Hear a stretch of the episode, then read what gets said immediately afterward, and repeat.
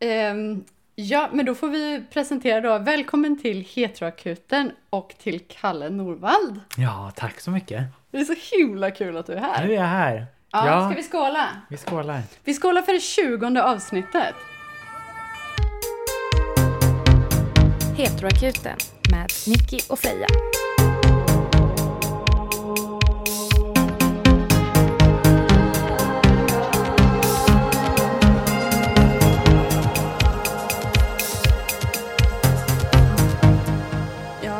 En så tight t-shirt att jag inte kan visa den så jag måste ha en skjorta under.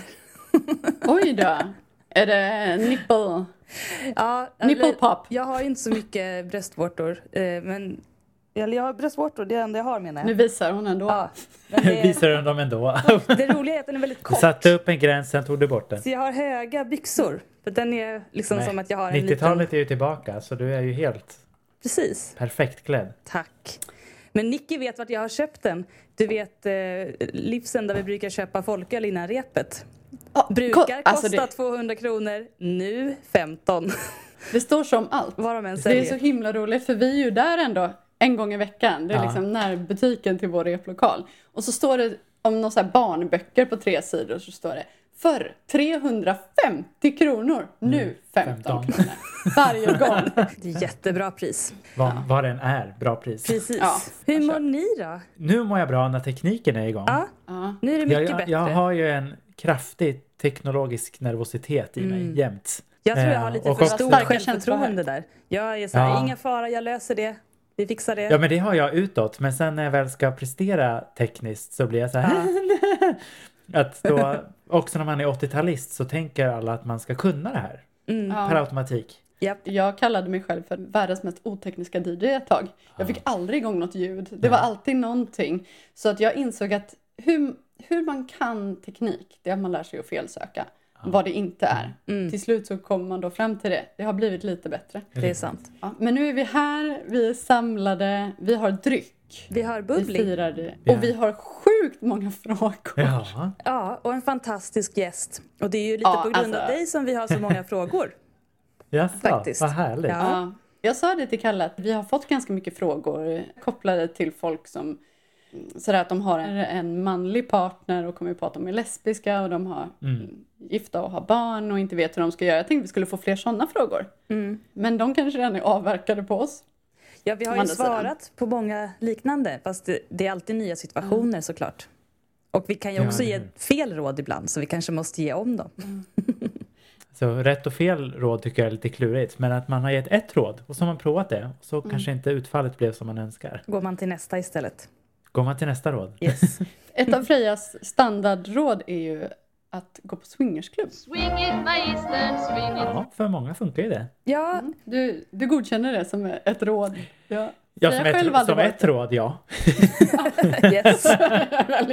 Det roliga är att jag aldrig har gjort det själv. Nej, men det är ju lätt att ge råd när man själv inte behöver Exakt. leva efter dem. Det, det är perfekt. Är det så du jobbar? Ibland, absolut. Men nu måste vi faktiskt eh, presentera dig lite Mm. också. Eh, Det kanske inte vi ska göra, men Kan vi inte prova det? Ja. Kan inte ni prova att presentera mig så får vi se vad, vad som är giltigt och inte. Eller. Jag har ju jag har ju sagt att jag har pro- haft problem med att... Jag kommer inte ens ihåg vad jag heter. Nej, precis, men nu har jag ändå sagt Kalle Norvall två ja, det, gånger. det är bra. Du har det Det, är mest att jag själv har så extremt mycket erfarenheter av att ingen någonsin kan stava mitt namn. Ja. Så att för mig blir det sådär, jag vill verkligen inte stava fel. Det var ju lite roligt, för du har ju haft en, en bild på din Instagram som är en illustration. Mm.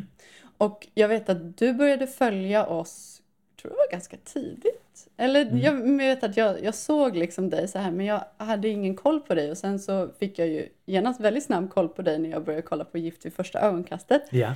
När du var en av experterna där. Och då så var det så kul för att jag tänkte, när jag såg dig på riktigt så tänkte jag, Ja. men gud följer inte han oss? Ja. Känns som jag har sett honom. Och så var det ju den här illustrationen Ja. du då hade sett. Men den var, men den var så lik. ja, det är faktiskt min man som har gjort den. Ja, vad fint. Och han, han känner Han ju mig mer än, någon, mer än någon. Han vet verkligen hur jag ser ut. Så det, han har sin, sin förmåga att se, så han kan ju. Och väldigt konstnärligt lagd. Så. Om vi ska försöka då så är du Kalle Norvald. Du är sexolog. Mm. Är du psykoterapeut? Jag har gått den första delen av psykoterapeutdelen. Mm. Jag har gått en tvåårig grundläggande utbildning i psykoterapi och en tredjedel av legitimationsutbildningen.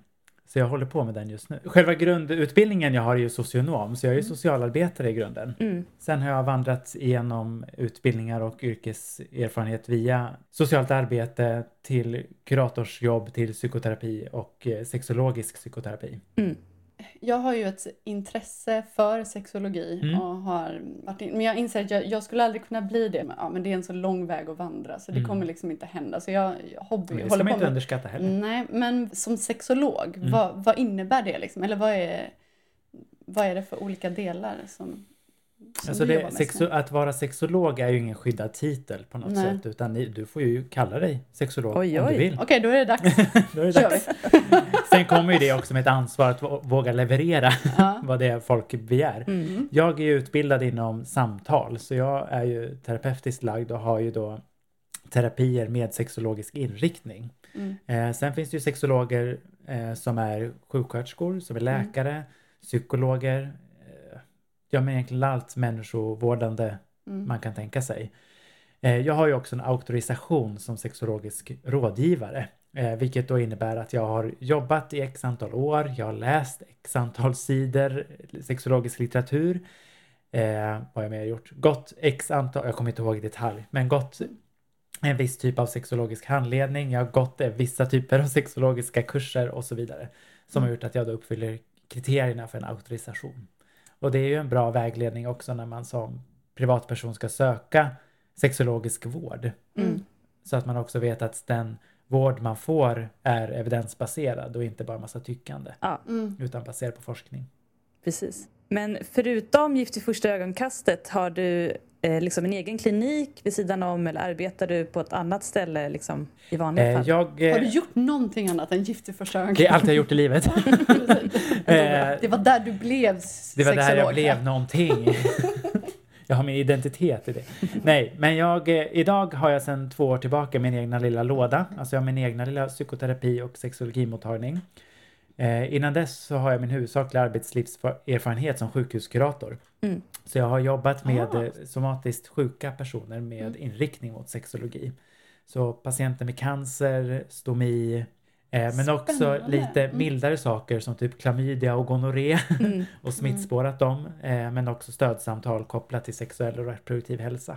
Jag jobbade på Södersjukhuset som är ett av de större akutsjukhusen i Stockholm. Där var jag bland annat projektledare för akutmottagningen för våldtagna. Mm. Förut tog man ju bara emot de som identifierar sig som kvinnor och då var jag då projektledare för den psykosociala uppföljningen för de som inte identifierade sig som kvinnor. Just det. Eh, och sen har jag också varit med och startat Sveriges fortfarande enda unga vuxna mottagning för hbtq plus personer som hette hbtq ung. Mm. Också den på Södersjukhuset. Det vill jag ge en applåd faktiskt. I Ja. bordet här. Du har skrivit något om hiv också vet jag. Någon- Jag har skrivit något om hiv, det har jag. Något var kanske lite... Eh, Min masteruppsats i sexologi så skrev jag om kvinnor som lever med HIV och hur de ser på och lever ut sin sexualitet. Som jag sen gjorde om till en artikel som jag faktiskt fick publicerad. Eh, som jag är väldigt glad för. Det var den första i Sverige eh, som nu har övertriumferats av min sexologkollega Eva som har gjort en hel avhandling på ämnet. Ah. Som Ah. är jättebra. Så man skulle nästan, jag, jag, jag liksom analyserar detta lite och det verkar som att du är intresserad av det som inte riktigt alltid lyfts upp. Alltså det dolda erfarenheten. Det var en korrekt observans tycker jag. Så bra. Jag tycker ju om de temana som kanske inte liksom faller sig in helt och hållet inom det normativa. Mm. Att också lyfta de grupper och individer som inte alltid kanske har en plats. Och det kan ju vara, både när man kollar inom psykoterapi och sexologi så är den ju väldigt normativ. Mm. Och väldigt heteronormativ kopplat till hur Mm. man ska vara som man, hur man ska vara som kvinna och sen finns det inget mer. Men också hur sexet liksom mellan de här två binära personerna ska se ut. Mm. Där tycker jag också att det är väldigt... Det är så himla skönt att du har kommit in i Gift vid första ögonkastet Mm. eftersom att jag har ju den här gruppen på Facebook då, Ja. Dating TV Forever. Och Ja. där, En där är stark ju känt grupp. sen gammalt så att säga. Ja, Ja. Det finns otroliga stalkers eh, där. Okej. Ehm, Då, Har då jag någon efter det... mig? Behöver jag vara Eh, orolig? nej, du behöver, du behöver faktiskt inte vara orolig. Du, du har inte blivit stalkad än. Nej, det, härligt. det finns liksom, men, men ofta är det deltagarna som är illa ute. ja, ja, men det brukar vara så. Mm. Dessvärre. Men du berättar ju här, du hade ju en, en liten chattgrupp på Ja. din Facebook Det har jag. där det är nya matchningar i nästa säsong. Jajamän. Oj, oj, oj. Som jag var snabb eh, var tvungen att trycka ner för att inte alls säga något, någon branschhemlighet. Alltså otroligt spännande. Men tror du att det någon gång i framtiden Mm. kommer att komma ett eh, lesbiskt par i Gift vid första ögonkastet? Alltså jag, jag vill ju gärna det. Mm. Eh, och inte av den anledningen bara för att det ska vara liksom ett lesbiskt par bara för att. Utan Nej. jag tänker att det är Eller det viktigt. behöver inte vara men det bögar har det varit någon gång. Men, ja, det har det ju varit. men transpersoner eller liksom icke Alltså det som är ett stort problem är ju att även den här typen av tv-medium, nu snackar jag skit med min arbetsgivare, det är ju spännande, men är ju väldigt normativt. säger inget. men också, det här är ju också en diskussion som vi har haft i redaktionen också. Så här, Mm. hur kan vi göra för att nå människor som också bryter mot normer om Mm. sexualitet och kön? Eh, men det speglar ju också samhället i stort. Vi har ju liksom en ganska tydlig hbtq plus eh, fobi generellt sett Mm. i liksom mainstream-tv och när det kommer upp så lyfts det ju upp i liksom problematik Ja, snarare än liksom att det här är också människor. Eh, att vi Ja. gärna liksom vill exotifiera och det är ju lite Ja. obehagligt ibland. mm. Alltså det känns som att det antingen är det eller tvärtom. Att så här, de är exakt som oss. De Ja. vill också Precis. leva Jag är en helt vanlig människa. Jag är precis som alla andra. Jag vill också ha också hus gifta och sig och hund skaffa och barn Volvo. och- Mm. Ja, och jag, där kan jag ju ta mig själv som exempel. Jag har ju haft samma partner i 13 år som Mm. också råkar vara en man. Mm. Och då blir det också så här, oj, kan Mm. bögar vara ihop så länge? Mm, att man också, det? går det? Men då är ni inte monogama va? Nej, men typ Nej. så. Ja. Det Mm. blir ju också en väldigt homonorm. Vi pratar ju också väldigt ofta om heteronormen, men Mm. det finns ju också väldigt tydlig homonorm hur man ska vara. Definitivt. Absolut. Den Och har vi pratat inte om. Ja, och det Mm. tror jag är bra att lyfta också. Jag måste ju avslöja här att jag har faktiskt inte sett årets säsong av Gift i första ögonkastet. Och jag tänkte först att jag skulle göra det inför att du är med nu. Men jag lät bli för att jag tänkte jag låter Ja. det vara rent liksom. Ja, Inom mig. Och sen ska du smutsa ner det i efterhand då Och sen- Ja, sen ska jag bara mata så, mig så själv. möter du mig på det här sättet och får en bild av mig och sen kollar på mig på tv bara Ja, Precis, allt jag gör. vad fan. ja precis. Nej. Jag kommer bli väldigt imponerad Men och stolt jag- att du har varit med. Ja, men m- med det vi var inne på nu då. Ungefär hur många icke-hetero personer är det som...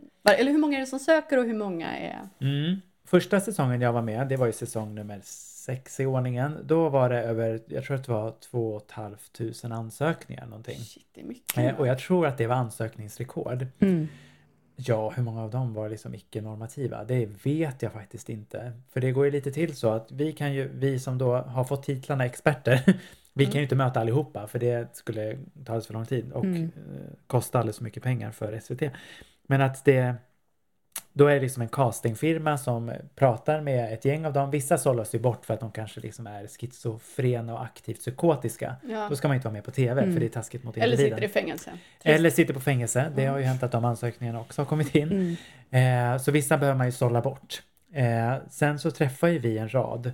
Förra säsongen så träffade jag några enstaka bisexuella kvinnor. Mm. Eh, men som uttalat sökte efter en make. Mm.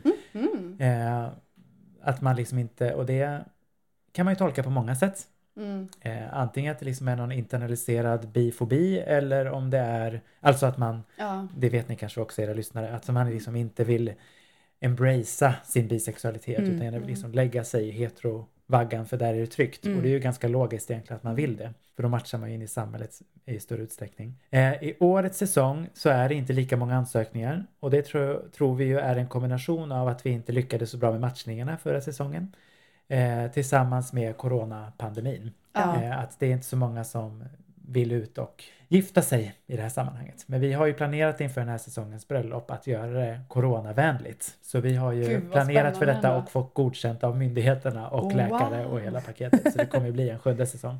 Så det är ingen liksom, är ju- nu får du kyssa bruden. Nej, det. Nej, det Nu får vi ju får gå du runt. Eh, Ja. Det finns ju inga sådana direktiv i Sverige att man Nej. inte får. Men kollar man på USA som New York har ju gjort direktiv där det står ni får ligga och hångla med era partners ni redan har men ni får inte ligga runt. För vi vet ju inte hur det här coronaviruset beter sig i sexuella kontakter. Mm. Intressant. Så det är något vi får tänka kring. Är det någonting du kan se liksom som ett mönster bland de som söker? Jag tänker att om jag tänker på mig själv så har jag alltid sagt att det nog skulle vara en av de sista serierna jag skulle kunna söka till. Mm. Just för att, för att jag ska kunna få känslor för någon Mm. så behöver jag mycket space. Alltså, Ja. och liksom, om man börjar ses intensivt, ja, men jag, ta, jag tappar allting. Mm. Det blir för mycket. För mig är det i liksom, mellanrummen, Mm. som, i andningspauserna Ja. som känslorna Fint skapas. formulerat. Ja. Och jag tänker att det måste ju vara en helt annan typ av... Ja, men alltså alla som söker till den här typen av datingshower, inte bara Gift vid första ögonkastet, utan Mm. alla de här som vi pratade om innan. Mm. Men Bonde söker fru, alltså Bachelor, alla de här typerna av. Det är ju personer som tycker om att synas. Mm. Eh, förstås, för annars hade man ju inte sökt tv-program. Eh, det är personer som har en stark vilja att träffa någon. Mm. Som har försökt på många olika sätt men inte lyckats. Mm. Och just i det experimentet jag själv då är en del av med den här matchningsprocessen så Mm. är ju det att så här, men nu har jag försökt själv, nu får någon annan göra det åt Mm. mig. Mm. Eh, och det kan ju vara lite spännande. Jag tänker att Ilae från förra säsongen Mm. var ett spännande exempel på det som då eh, har sitt ursprung ifrån Iran. Hon pratade om det både i programmet och med oss innan. Så här, det är spännande Mm. att jag som då kommer Mm. från kultur där jag rent historiskt hade blivit tvingad att gifta mig, att nu väljer att lägga det här beslutet ändå i någon annans hand. Ja, Men att man liksom hittar nya sätt att träffa en partner. Och jag menar på tal om normer, det här är ju ett väldigt normbrytande sätt att träffa en partner på. Verkligen. Delvis på tv, men också att det är någon annan som får, be- får bestämma åt en. och som inte är ens familj utan en främling. Precis, Mm. precis. Ja, men lite som det här, att vad var du när du hörde om 9-11? Jag jämförde inte absolut. 9-11, Men som- giftermål, potato potata. Ja, minns jag när jag fick höra från en kompis, har du sett det här programmet? Ja. När man liksom gift, man har aldrig Mm. träffat person, man gifter sig. Ja men alltså det slog mig, alltså det kändes så här, men gud vad fruktansvärt. Ja. Och att det tog lång, lång tid innan jag själv såg det och sen blev jag ju hooked och tyckte, Mm. Ja. men det var väl inte så himla farligt egentligen. Precis. Men att min första tanke kring det var, Men gud vem vad, obeha ja, vad obehagligt, Ja. vem fasen söker till det? Så just svenska versionen har ju också haft ganska många misslyckanden. Alltså det har ju varit ganska Mm. många som också har gått ut och pratat tidigare. Det har gjorts om mycket. Men i början att, men att folk blev traumatiserade Ja. av det och kände sig kränkta och Mm. ändå så har det fortsatt och folk har fortsatt söka. Mm. Det är ju väldigt Och det intressant. blir fler och fler som söker. Ja. Ja. Och tänk som med Ensam mamma söker i senaste säsongen som två av tre Mm. eh, har ju nu fått barn med den Mm. de träffade där. Så det var ju en Intressant. jättelyckad säsong och Ja. ändå la de ner det. Ja. Ja, och det, jag tycker det är spännande att diskutera vad ett misslyckande är. Mm. För Freja, du vet ju själva konceptet med programmet va? Ja, jag har sett det förr. där. ja, då så. Eh, Bra. är, är det ett misslyckande när partner, någon av parterna i slutet säger nej? Inte i slutet men jag tänker att, att man kan känna ett obehag inför Mm, att man ångrar personen. upplevelsen. Alltså eller... Ah, ja, för det är Ja. precis Ja. Freja, det tänker jag är det som är. Nu råkar det också vara så, när jag fick den här förfrågan, eh, när producenten Lotta Hellman hörde av sig till mig för då, det är typ ganska exakt ett år sedan då, kolla på klockan som att jag skulle ha datum på klockan. Ganska det. exakt ett år sedan eh, och ville träffa mig för att prata om just detta så var det ju delvis hade jag i bakhuvudet att jag är ju vän med en som var med i första säsongen och som Mhm. åkte ganska illa ut. Mm. Som hon ju inte gjort någon hemlis kring Mm. medialt eller på något sätt. Så jag pratade ganska mycket med henne innan. Mm. Eh, och var ganska öppen med Lotta Hellman om att jag har ju en som, som har varit med och åkte jätteilla ut. Och jag tänker Mm. inte, jag vill inte ställa upp om det är så här. Vad bra. Eh, och hon sa, hon har ju inte varit med hela vägen. Lotta Hellman, jag tror att det här är hennes fjärde säsong måste det vara. Där hon är producent. Alla deltagare är ju med i utvärdering och säger så här, det här var bra, det här var dåligt. Och nu har man mer och mer börjat anamma också feedbacken som man inte Mm, gjorde de mm. första säsongerna. De höll ju på att lägga ner också det här efter, jag tror det var tredje säsongen. Ja. Eh, för att just deltagarna inte blev väl omhändertagna. Mm. Eh, och när Lotta kom på tåget och också andra castingprocesser så blev det mycket bättre. Vad skönt. Eh, och sen är det ju också så här att så här, man söker det här programmet för att man vill hitta någon. Det är inte som man hade tänkt sig, då blir man ju skitbesviken. Mm. Såklart. Vilket då också gör förstås att man formas av den upplevelsen Mm. och kanske Ja, präglas är av den här besvikelsen. Nej, egentligen är det ju, alltså de som är med, de hoppas ju på de två största, viktigaste sakerna i livet. Som ska komma samtidigt, liksom ett erkännande offentligt, om man har den drömmen. och den stora kärleken. Jag menar, det är inga små drömmar. Det är inte konstigt att man blir ledsen. Skål! Ja men härligt. Ja, men, alltså, vi kör väl på. Det här är ju så spännande. Ja, jättemysigt. Ja. Kul, det här är roligaste podden jag har varit med om. Är det sant? Vad Ja. kul! Åh, fint. Det fick vi med va? Ja. Kul, det här är roligaste podden jag har varit med om. Kul, det här är roligaste podden jag har varit med om. Ja. Det var i reklamen. Ja, vi kan ju säga att vi kommer inte hinna med alla frågor, men det är. Men jag tänker att vi kan säkert generalisera lite. För att Ja, inkludera lite svar. Och jag kan ju säga, Absolut. Mm. det kan vi få med också. Säga att vi har tagit del av Ja. alla frågor och försöker inkludera svar i flera. Men då får vi vara med igen då.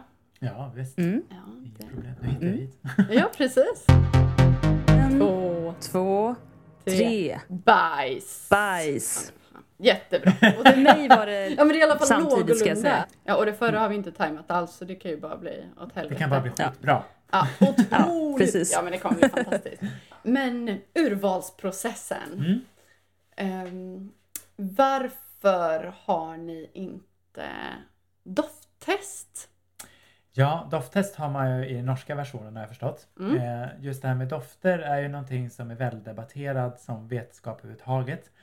Vilken påverkan de här, ordet som jag aldrig kan säga, feromoner. Blev det Ja, rätt? feromoner. nu gick Ja, det ju gick som bra. Jag fick en gång förut. Vilken påverkan de faktiskt har eller inte. Men det spelar ju liksom inte så stor roll för vissa spelar ju skitstor roll. Mm. Och då är det Mm. klart det är ett viktigt test. Mm. Eh, hade jag varit med så hade det varit svinviktigt. Ja. Mm. Jag har ju verkligen varit med partners som inte har haft någon parfym men som liksom har luktat så gott så att Mm. man liksom inte kan släppa men Ja. också andra personer som egentligen kanske inte har luktat något men Mm. de har luktat rätt. Mm. Alltså på ett sätt som att Men det finns ju olika tankar kring vilken dofteffekt liksom det finns. För många kan ju liksom förknippa doft då snarare med en person. Alltså jag har fortfarande Mm. när, jag, när man fick åka kollektivtrafik så på grund av Corona så får vi i Stockholm, vi ska ju vara så långt ifrån kollektivtrafiken vi bara kan. Men när man liksom då fick en liten sån här parfymvind Mm. och så är det en speciell parfym som en av mina partners Mm. hade på gymnasiet som jag ibland, som fortfarande Mm. är folk som envisas med att ha. Den luktar Mm. egentligen inte så gott. Men när den kommer så blir jag liksom överöst av den här känslan som jag hade för den här personen då. Ja. Jag gick ju på gymnasiet för, ja, för länge sedan. Och det, Mm. den sitter ju ändå kvar. Men det är, ju, det är ju just de artificiella Ja, dofterna. ja. Det har ju inte, alltså jag menar en parfym kan ju lukta helt annorlunda på en än på Verkligen. en annan.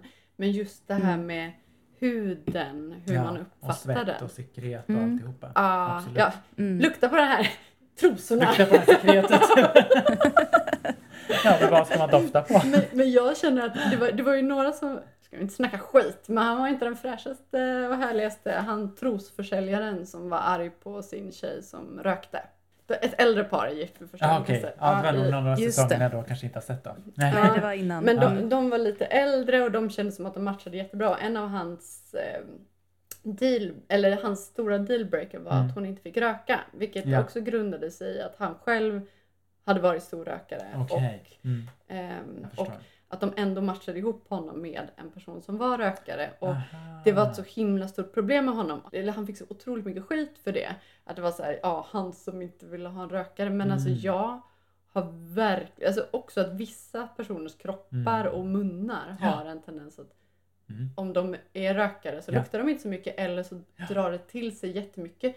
Så att man inte känner någonting av den personliga lukten utan Det bara... blir dominans. Ah. lukt. Ja. Och Mm. det, och, så jag och höll, snus. med- höll med. Alltså snus, jag- där är jag Mm. liksom inga problem. Ja. Men Det är för att du är cigarettrök. Ja det är därför. Ja precis. Man kan inte vara så Betingad. kräsen. Nej men att jag har verkligen slutat dejta personer för att de Ja. röker. Ja. Jag, jag kan inte. Mm. Men just tobak, eh, bruk och missbruk, alkohol och så, det är ju standardfrågor nu. kan man ju också se på nya säsongen. Maxine, Mm. Som jag nu då känner väl med tanke på att jag både följde dem i experimentet Älskar och också henne. efteråt. Mm. Ja, vem gör inte det? Mm. Hon vill ju gärna ha en kille med hår framkom det där. Det var inget som vi pratade om innan när vi pratade om attraktion. Men sen blev ju det en jättegrej. Mm. Där Maxine själv tänkte så här, men så mycket hår behöver människan inte ha. Och vi matchar ju henne med Emil som ju inte har något hår. Nej.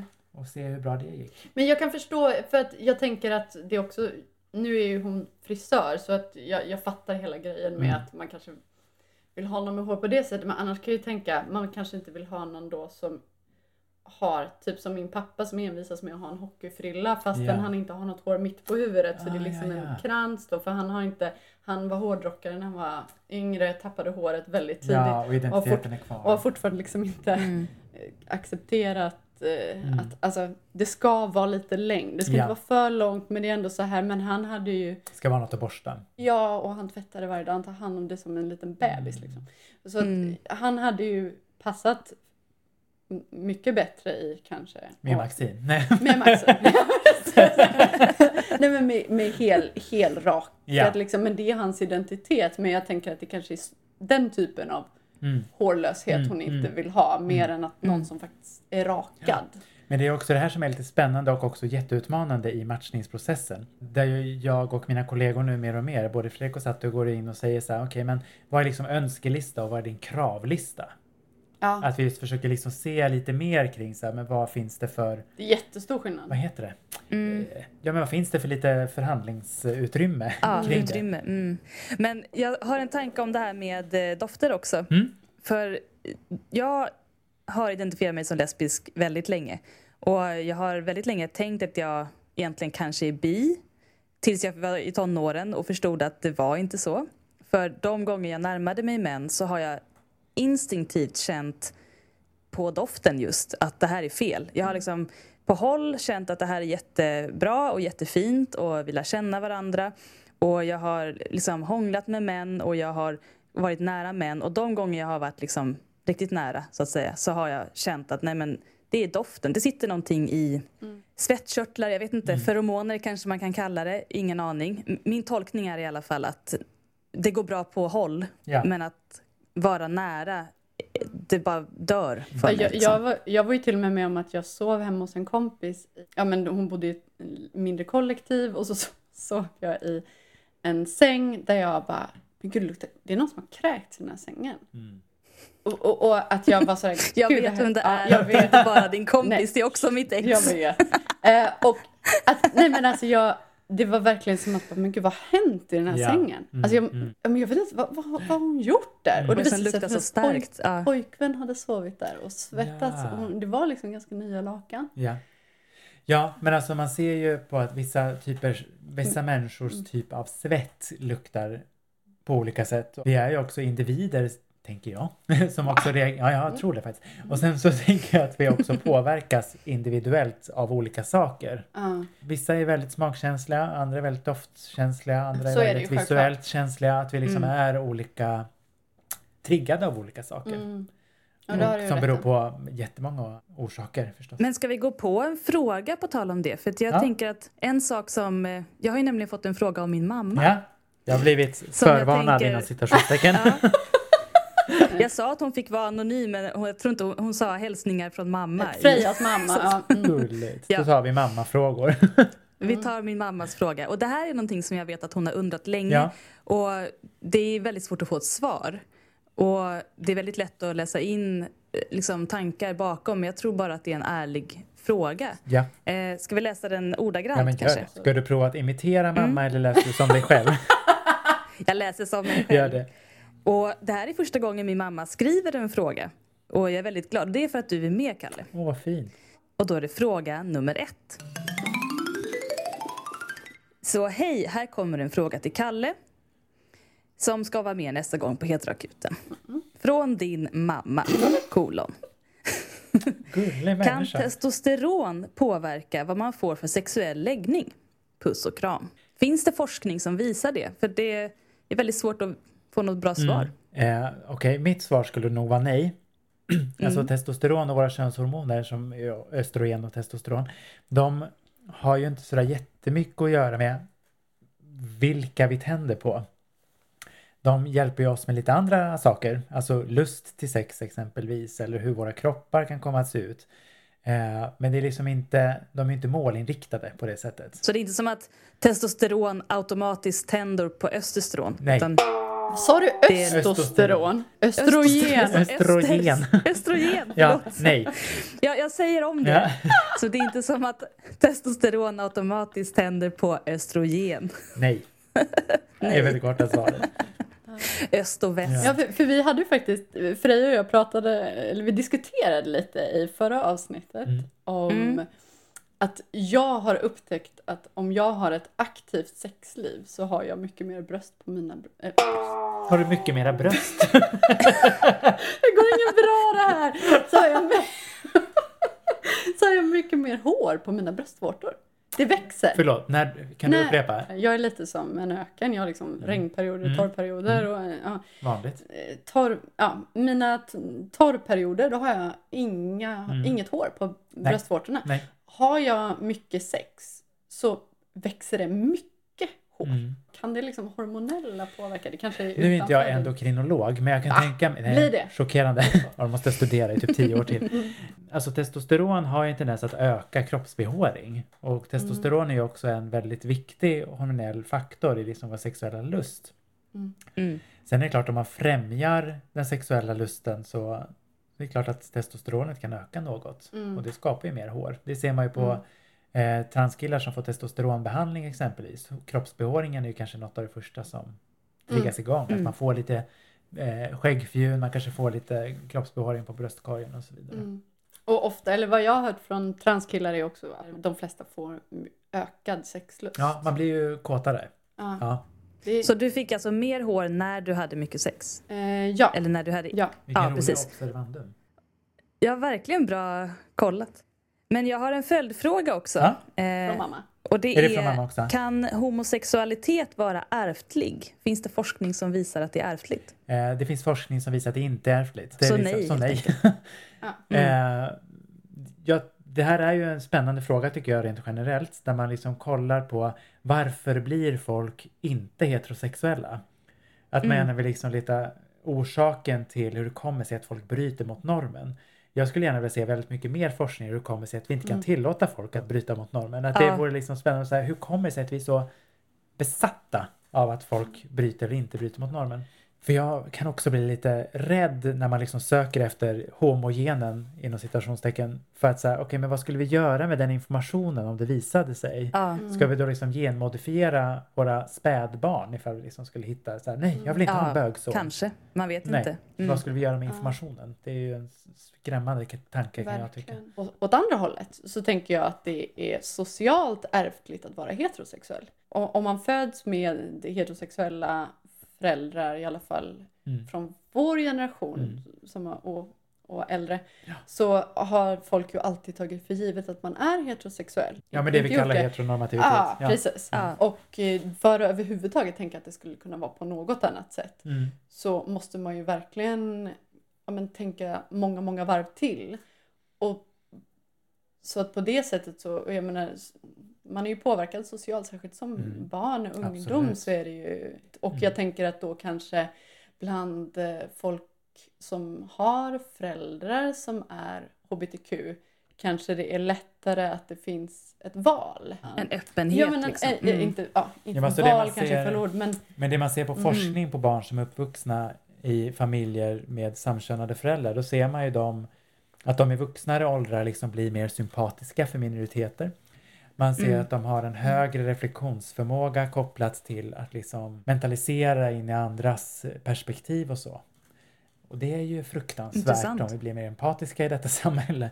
ja, det Men det är, vi liksom det, det är det som händer. Mm, det är då vi Sen- får corona, då är vi nära varandra. Ja, Usch. usch. Mm. Ja, det, det är bögarnas fel. Ja, det är bögarnas fel. Bögarnas fel. Bögarnas fel. Man tror att det är Satan själv som spelar oss ett spel. Men även han går fri för allt det. Bögarnas fel.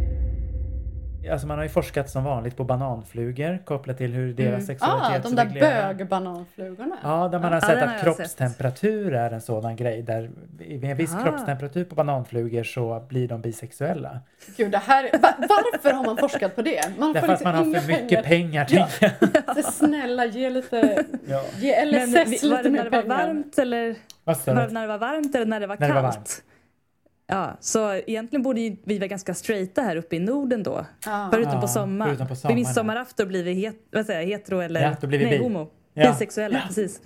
Men intressant, alltså, det, det är ju väldigt kontroversiellt att göra, alltså, att prata om sån forskning. Det är väldigt lätt att Ja. komma in i ett fack där man pratar om människor som att de bara är liksom funktioner av sina kroppar. Absolut. Och man är ju väldigt mycket mer. Jag vet att jag läste en artikel någon gång om forskning kring homosexualitet och att just det här med ärftlighet togs upp som en, så här, men hur ärftligt är det? Mm. Och det har inte gått riktigt att forska på det heller för i alla släkter finns det homosexualitet. Precis. Det finns liksom ingen släkt som är fri från det om, inom citationstecken. Så Det är att synd om människorna. Ja, det är ärftligt men ja, det är inte heller ärftligt. Alltså, Mm. heterosexualitet och homosexualitet finns i alla Precis. Men det, och det, menar, om vi kollar på Sigmund Freud till exempel som är psykoanalysens fader. Det skulle vi kunna prata om i ett avsnitt om. Men att det ändå Hans grundtanke är ju att vi föds bisexuella men att vi sen via sociala kontakter liksom präglas av antaganden kring hur vår sexualitet och våra kroppar ska liksom vilja söka lust. Man brukar ibland inom psykoterapi prata om the dodo effekt, att alla har rätt. Mm. Eh, alla de här teorierna har ju någon form av sanning för någon. Och det är det som gör både psykoterapi men också sexologi väldigt komplicerat. Det är att ja, men allt är rätt och allt är fel. Mm. Så för mig in i mitt liksom, terapirum så blir det ju hela tiden okej men hur är det här för dig? Och hur är det här för dig? Mm. Eh, och inte tänka att jag vet. Så, Okej nu får jag en Nej. lesbisk kvinna i rummet då kommer hon ha det här och här och här och här och vilja prata om. Sen stämmer Nej. det ibland. Mm. Okej nu är det här tredje lesbiska kvinnan som har exakt samma utmaning. Ja, Mm. det råkar Det vara kanske så. har mer har med samhället att göra då Det än har ju med den personen. Mm. Då är Mm. det mer en samhällsfråga. Men att Men jag det är väl inte lite samma i som ska att- ta för givet. Alltså jag kan ju också verkligen störa mig på sådana som är sådär att sexualitet är någonting man föds med, det är inget, är inget val. Det är så, ja, alltså, Mm. Ja och ja nej. och nej. Ja. Jag menar att jag, jag känner att jag menar, både jag och Fria kom ut väldigt, väldigt tidigt. Mm. Men sen gick jag in i garderoben igen. Och Mm. för, för, alltså, allra, först, allra först så var jag, alltså, jag var Ja. så jävla killtokig. Mm. Och sen så kom jag ut när jag var åtta. Mm. Sen så sa, fick jag höra att jag inte skulle prata om det så då gick jag in i garderoben igen. Och då tänkte jag väl att jag var bi tror jag. Eller Mm. någonting. Och sen så blev jag jättekär i en person och så såg inte jag någon annan på två år. Nej. Alltså för att jag var så himla himla kär i henne. Och det Precis. var som att jag hade ingen aning om vad som väntade mig på andra sidan. Om jag skulle bli straight eller Ja. gay eller Ja. någonting. Och sen så har jag bara varit med tjejer och varit dragen till tjejer men även liksom, jag har ju men en person som jag har varit tillsammans med som har kommit ut som trans, då har jag ju liksom börjat uppskatta mer Mm. manliga, att, alltså så här, för att jag gillar den personen och Precis. då blir jag med och det är förvirrande. Men, Ja, men det är ja. ju flytande. Väldigt Men flytande. sexualitet är förvirrande. Och jag menar det, om vi liksom bara skulle förstå att sexualitet inte är A så B. Utan att vi Mm. kan också ta en liten omväg till P och eh, T Mm. och W så skulle vi komma långt tror jag. Men vi är liksom lite skraja som art.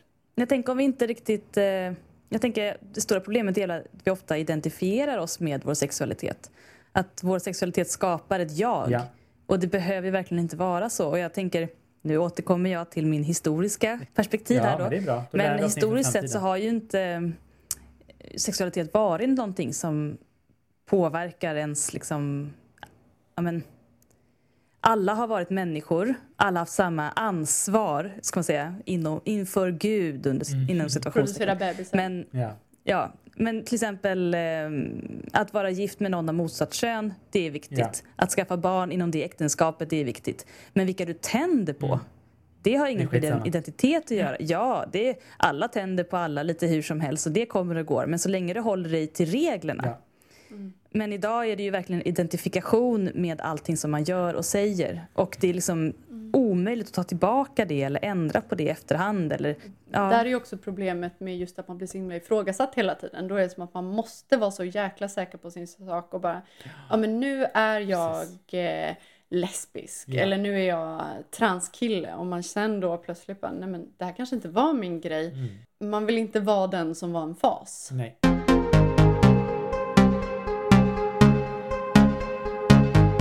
Ska vi ta en till fråga? Ja. Så vi, Kan inte vi har ju du- väldigt många Ja. att hinna med. Jag har ju skickat alla frågor till Kalle i en pdf. Ja. Men ska, ska vi ta den frågan som du ändå mejlade mig för jag tycker den var bra. Mm. Ska du Nej, du får Ska jag läsa den? Ja. Då är det här fråga två. Hej! Eh, vad är Kalles bästa tips för att få en relation att komma vidare? Jag träffar en snubbe sedan i höstas, vi tycker om varandra och när vi är med varandra känns det som att tiden står still samtidigt som den rusar iväg alldeles för fort. Vi gör väl egentligen allt det som par gör med varandra, bortsett från att vi inte har sagt att vi älskar dig till varandra ännu. Vi har heller inte satt någon stämpel på oss. Hur gör man det? Hur tar man en relation vidare? Jag är 23 år och han är 25 år, så relativt unga. Behöver man ens ta det där snacket om vad är vi? Eller sätter det bara onödig press på relationen? Samtidigt så är jag ju rädd för att bli sårad och jag vet att han är ännu räddare. Och nyckeln till alla problem är ju kommunikation, eller? Vill inte kommunicera för mycket heller så att det får motsatseffekt. Hur ska man tänka? Och tack för att du och du, Kalle. Jag älskar att se dig i tv-rutan och följer din Instagram slaviskt. Kram till er alla tre. Kram tillbaka. Ja, verkligen Tack. kram Åh, tillbaka. vad fint. Och tack för att du är du. Vi fick faktiskt en, vi fick ett önskemål av att prata om ett liknande grej förra Ja. Veckan faktiskt. Men vi hann inte det. Så det är Mm. ju jättebra. Just kring Mm. hur man blir ihop i vuxen ålder. Eller hur? Och det här är ju klurigt i. Det finns ju många nivåer av i den här frågan, tänker jag. Delvis är ju det här precis som hon skriver, eh, hen skriver, för det står väl inget pronomen här. Nej, men att hen skriver att eh, just att man är rädd för att bli sårad och att den här, han som han, hen träffar också är ännu räddare för att det liksom ska bli knas. Eh, och det är ju någonting som händer när vi också uttalar en relation. Det finns ju en möjlighet att, att relationen liksom fördjupas. Det fick också en möjlighet att ena parten blir räddare än den andra och sticker. Mm. Så det finns ju någon sån underliggande rädsla också att bli avvisad och lämnad. Eh, men vad människor också alltid strävar efter det är ju liksom någon form av klarhet och balans. Och där är ju stämplarna en sådan grej. De uppfyller ju ändå ett syfte för att man skapar en säkerhet. Det kan ju skapa en trygghet eller en rädsla. Ja, eller båda Eller båda. två. För vi människor är så jobbiga att vi också kan ha motstridiga känslor samtidigt. Mm. Alltså det finns ju inget rätt eller fel sätt att göra detta. Jag är ju en förespråkare för kommunikation, hör och häpna. Eh, I första hand faktiskt inåt. Alltså att jag Mm. själv tycker så här, men är det här viktigt för mig? Mm. Och jag tycker mig ändå läsa in den här frågan som jag har skickat in är ju att det är viktigt med den här stämpeln. Annars tänker jag att han inte ens hade skickat in den här frågan. Mm. Eh, att det liksom är något som ligger och skaver. Och tar man inte upp den här diskussionen så finns det en jättestor risk att det ligger och skaver och skaver och alla som har fått eh, skavsår på fötterna för nya skor vet vad jag snackar om. Att det blir värre och värre och man kan inte heller sluta tänka på det. För det Ja, gör så att man fruktansvärt ont. distanserar sig från Mm. varandra då. Precis så. Så Mm. till slut så finns det ju en överhängande risk att man faktiskt blir kanske aggressiv. Man blir ganska oskön att hänga med. Börjar pika varandra för att distansera sig. Typ. Precis, då Mm. kanske man är så taskig Mm. att man gör istället att den andra lämnar en. Eh, rädsla som henne återkommer till både från egen sida och, och eh, eventuella partners sida är ju också en väldigt hämmande känsla som gör att vi inte agerar överhuvudtaget. Och det är ju inte heller bra Mm. av samma anledning. Nej. Till slut kommer vi också pika varandra tills man slut gör slut. Eh, men hur man går tillväga för att liksom prata om det eller sätta en stämpel på det, det är ju jätteolika. Jag själv frågade chans på min partner. Har jag också Mm. gjort. Får jag chans på dig? Jag också. Och han sa ja och vi är fortfarande ihop. det är ju ett sätt. Det gör ju också lite humor i det. För att liksom Mm, lätta lite lite, distans. på, ja men skapa lite positiv distans. Till att Mm. liksom, det här behöver inte vara så himla allvarligt. Jag tycker mig ändå läsa in att de nog har haft lite jobbigt i början på något sätt ändå. Att båda liksom lite Lite skraja. osäkerhet. Lite osäkerhet som gör dem rädda. Mm. Eh, ett bra tips är att göra så kallade jag-budskap. Alltså utgå från den egna Mm. upplevelsen. Att jag blir lite rädd när vi inte pratar om det här. Skulle vi inte kunna ta en diskussion? Mm. Jag har det- pausat min Tinder. Jag har pausat min Tinder. Jättetydlig statement. På att så här, nu, in, inte ska vi göra det eller nej, har du? nej, men nu har jag pausat min Nej, Tinder. Nu känner jag att, jag Mm. känner mig nöjd med Ja. det. Det finns också andra dejtingappar. Nej, Inte här. Det här är inte SVT, här finns det bara Det finns Tinder. bara Tinder.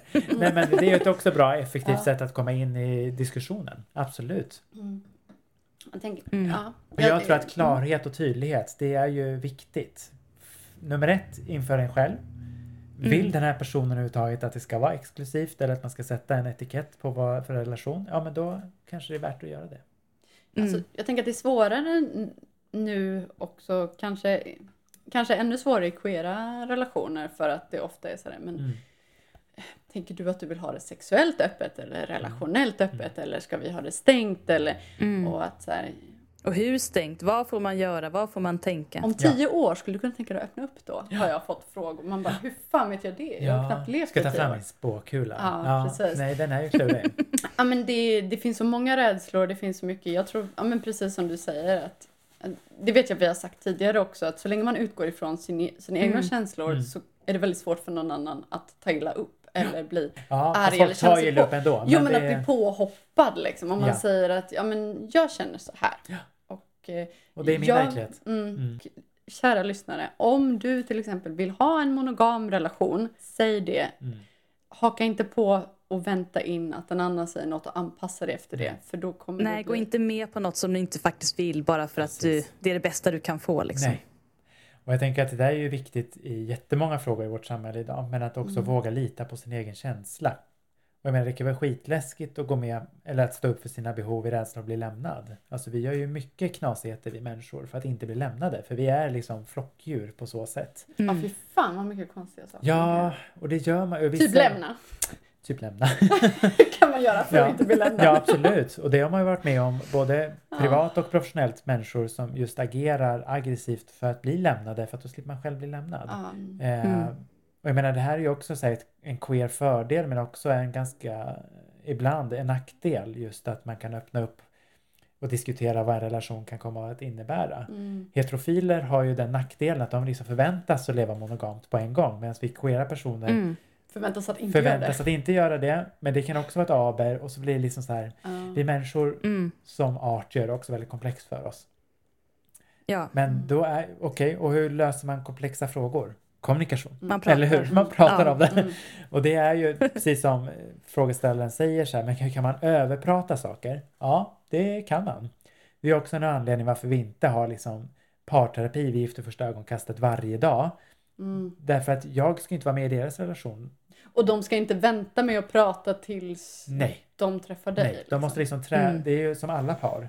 Mm. Vissa par Mm. som kommer till min mottagning bara, vi vill komma tre gånger i veckan. Ja, fast det är meningslöst. För jag kommer inte vara med er hemma hos er ändå. Utan ni Mm. måste träna på saker. Det är därför det går några dagar emellan. Mm. Eh, men att liksom få någon tydlighet och en transparens, ett av mina Mm. favoritord. Mm. Så de Mm. klienter som jag haft som lyssnar på den här podden så kommer de skratta och säga att det där har Kalle sagt till mig också. Men att våga erbjuda både sig själv och sin partner transparens. Men jag Mm. tänker och känner så här. Det kanske inte är logiskt, Mm. men känslor är inte det. Om man vill komma till, till en kärna, vad Mm. gör man? Man jobbar sig inåt liksom. Så Precis att, så. Ett steg i taget. Ja, och att det är inte som att du behöver inte fråga men ska vi vara ihop nu och leva lyckliga alla våra dagar? Alltså Nej, det kan börja med jag har stängt av min Tinder. börja kommunicera så kommer ni dit efterhand. Precis. Nu är ni ju väldigt unga, eller 23 och 25 var det va? Ja, så vars det. Eh, det beror ju på hur man vill ha det, men om till exempel din person som du träffar skulle säga att jag vill aldrig ha barn Mm. och du vill ha det. Ja, men då kanske man får tänka ett varv till. Alltså man kan jobba sig in till det där. Att, ja, men om, Precis. eller om den säger att eh, jag skulle aldrig kunna tänka mig att vara monogam med en partner. Mm. Ja, men då kanske du har ditt svar och då kanske du får ta ett beslut. Mm. Det finns liksom inte sen någonting som automatiskt från början eh, som kan bevisa att man kan lita på personen. Utan man får helt enkelt bara Mm. bestämma sig Mm. för att lita Mm. på personen. Och det kan man behöva göra flera gånger i livet Ja, för är att... varje dag. Ja, alltså, ja, jag ja, brukar ja. säga det. Verkligen. och Det sa jag också till Emil och Maxine väldigt tidigt. När vi liksom pratade om det här med ga- relationella garantier. Mm. Att eh, Emil och Maxine då är ett av paren i Gift första ögonkastet förra säsongen. Jag förstår. De det gick bra för. De det gick bra för. eh, Som var Kalles. som var mina, mitt par. Bra. Eh, men att det, och de vet jag kommer lyssna. Så hej Emil och Maxine. Åh, Eh, kul att ni lyssnar på vår podd. Hoppas ni gillar det. Eh, säger jag också till dem, men också väldigt många andra, så här, men det finns inga hundraprocentiga garantier. Alltså bara för att man har en ring på vänster ringfinger, det är ingen garanti för resten av livet. Utan man väljer varandra varje dag. Mm. Mm. Kanske inte så här uttryckligen, Exakt. jag väljer dig nu. Utan man gör det så fort man vaknar och går och lägger sig och allt däremellan så gör man fortfarande ett val att vara med en person. Mm. Ja, jag vill ge lite handfasta råd Ja, kring det också. Eh, jag tänkte faktiskt säga samma sak som du sa. Eh, för jag brukar säga till min tjej att jag väljer henne varje dag. bra. Och att eh, Freja är det, vissa dagar är Ja, det vad mer medvetet och vissa dagar är det mindre medvetet. ja, Men. Ibland väljer Du henne för att hon är underbar, ibland trots att hon är, Inte underbar. har PMS. Men för det mesta är hon faktiskt bara underbar.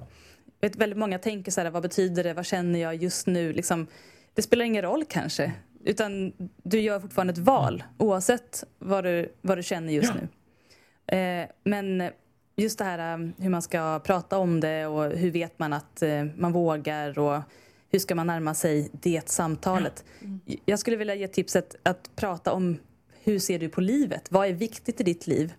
Börja liksom prata runt det och närma sig långsamt. För är det två personer som inte riktigt har definierat sin relation och man börjar prata om vad vill jag ha i mitt liv och vad är viktigt i längden så kommer man komma in på relationer. Man kommer komma in på det automatiskt. Kanske på ett liksom... Kanske bli modigare också. Ja, kanske blir man lite mer liksom, man ramar in sig själv i processen och så blir det lättare att mötas eh, och att spegla varandra i det samtalet.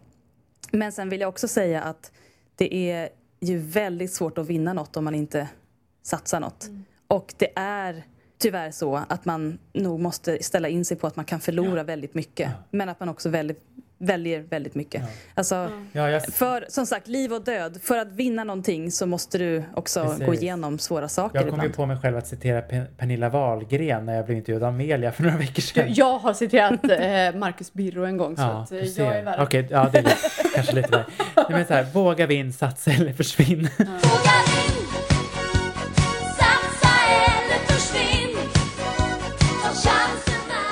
Nu behöver man ju inte försvinna, men att just det här att man vågar också.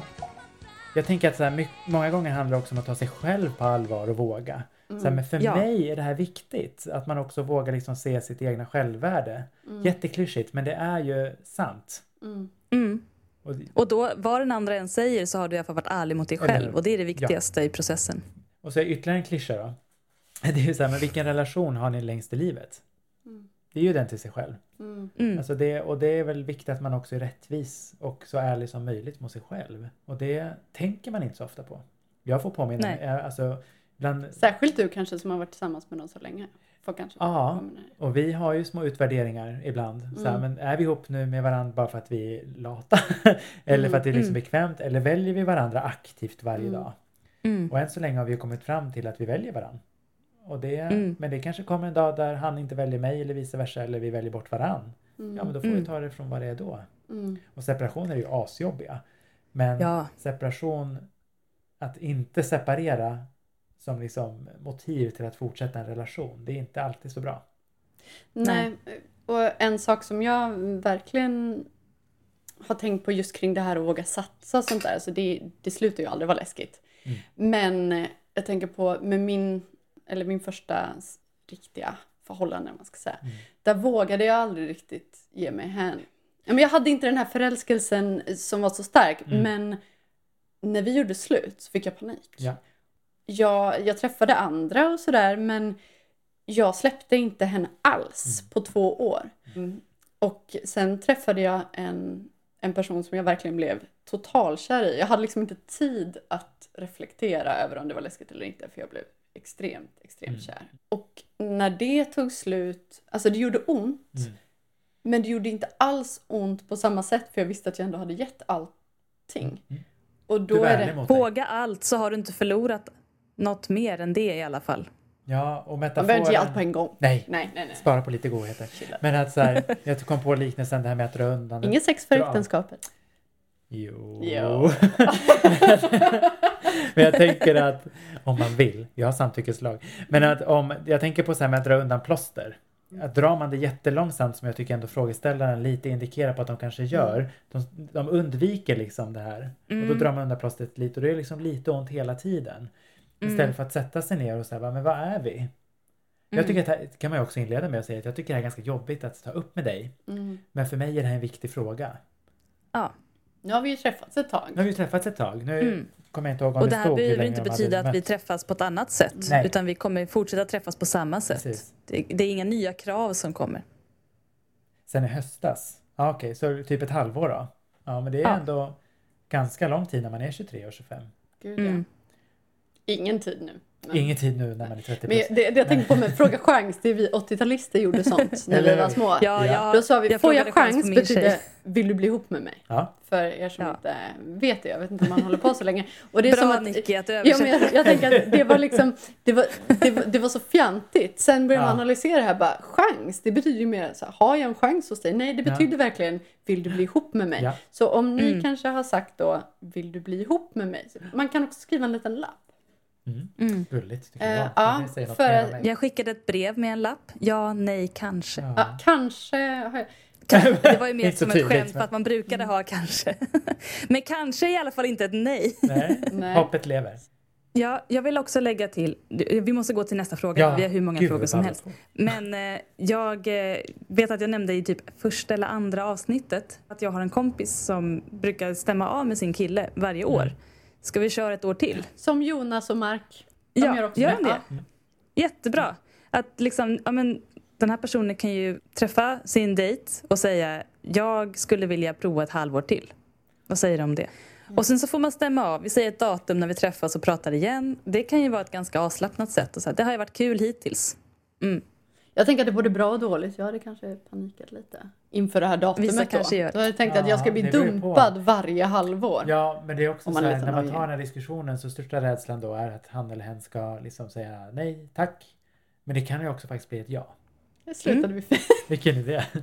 Andra delen av avsnittet med Kalle Norvald kommer om en vecka. Det vill säga nästa måndag.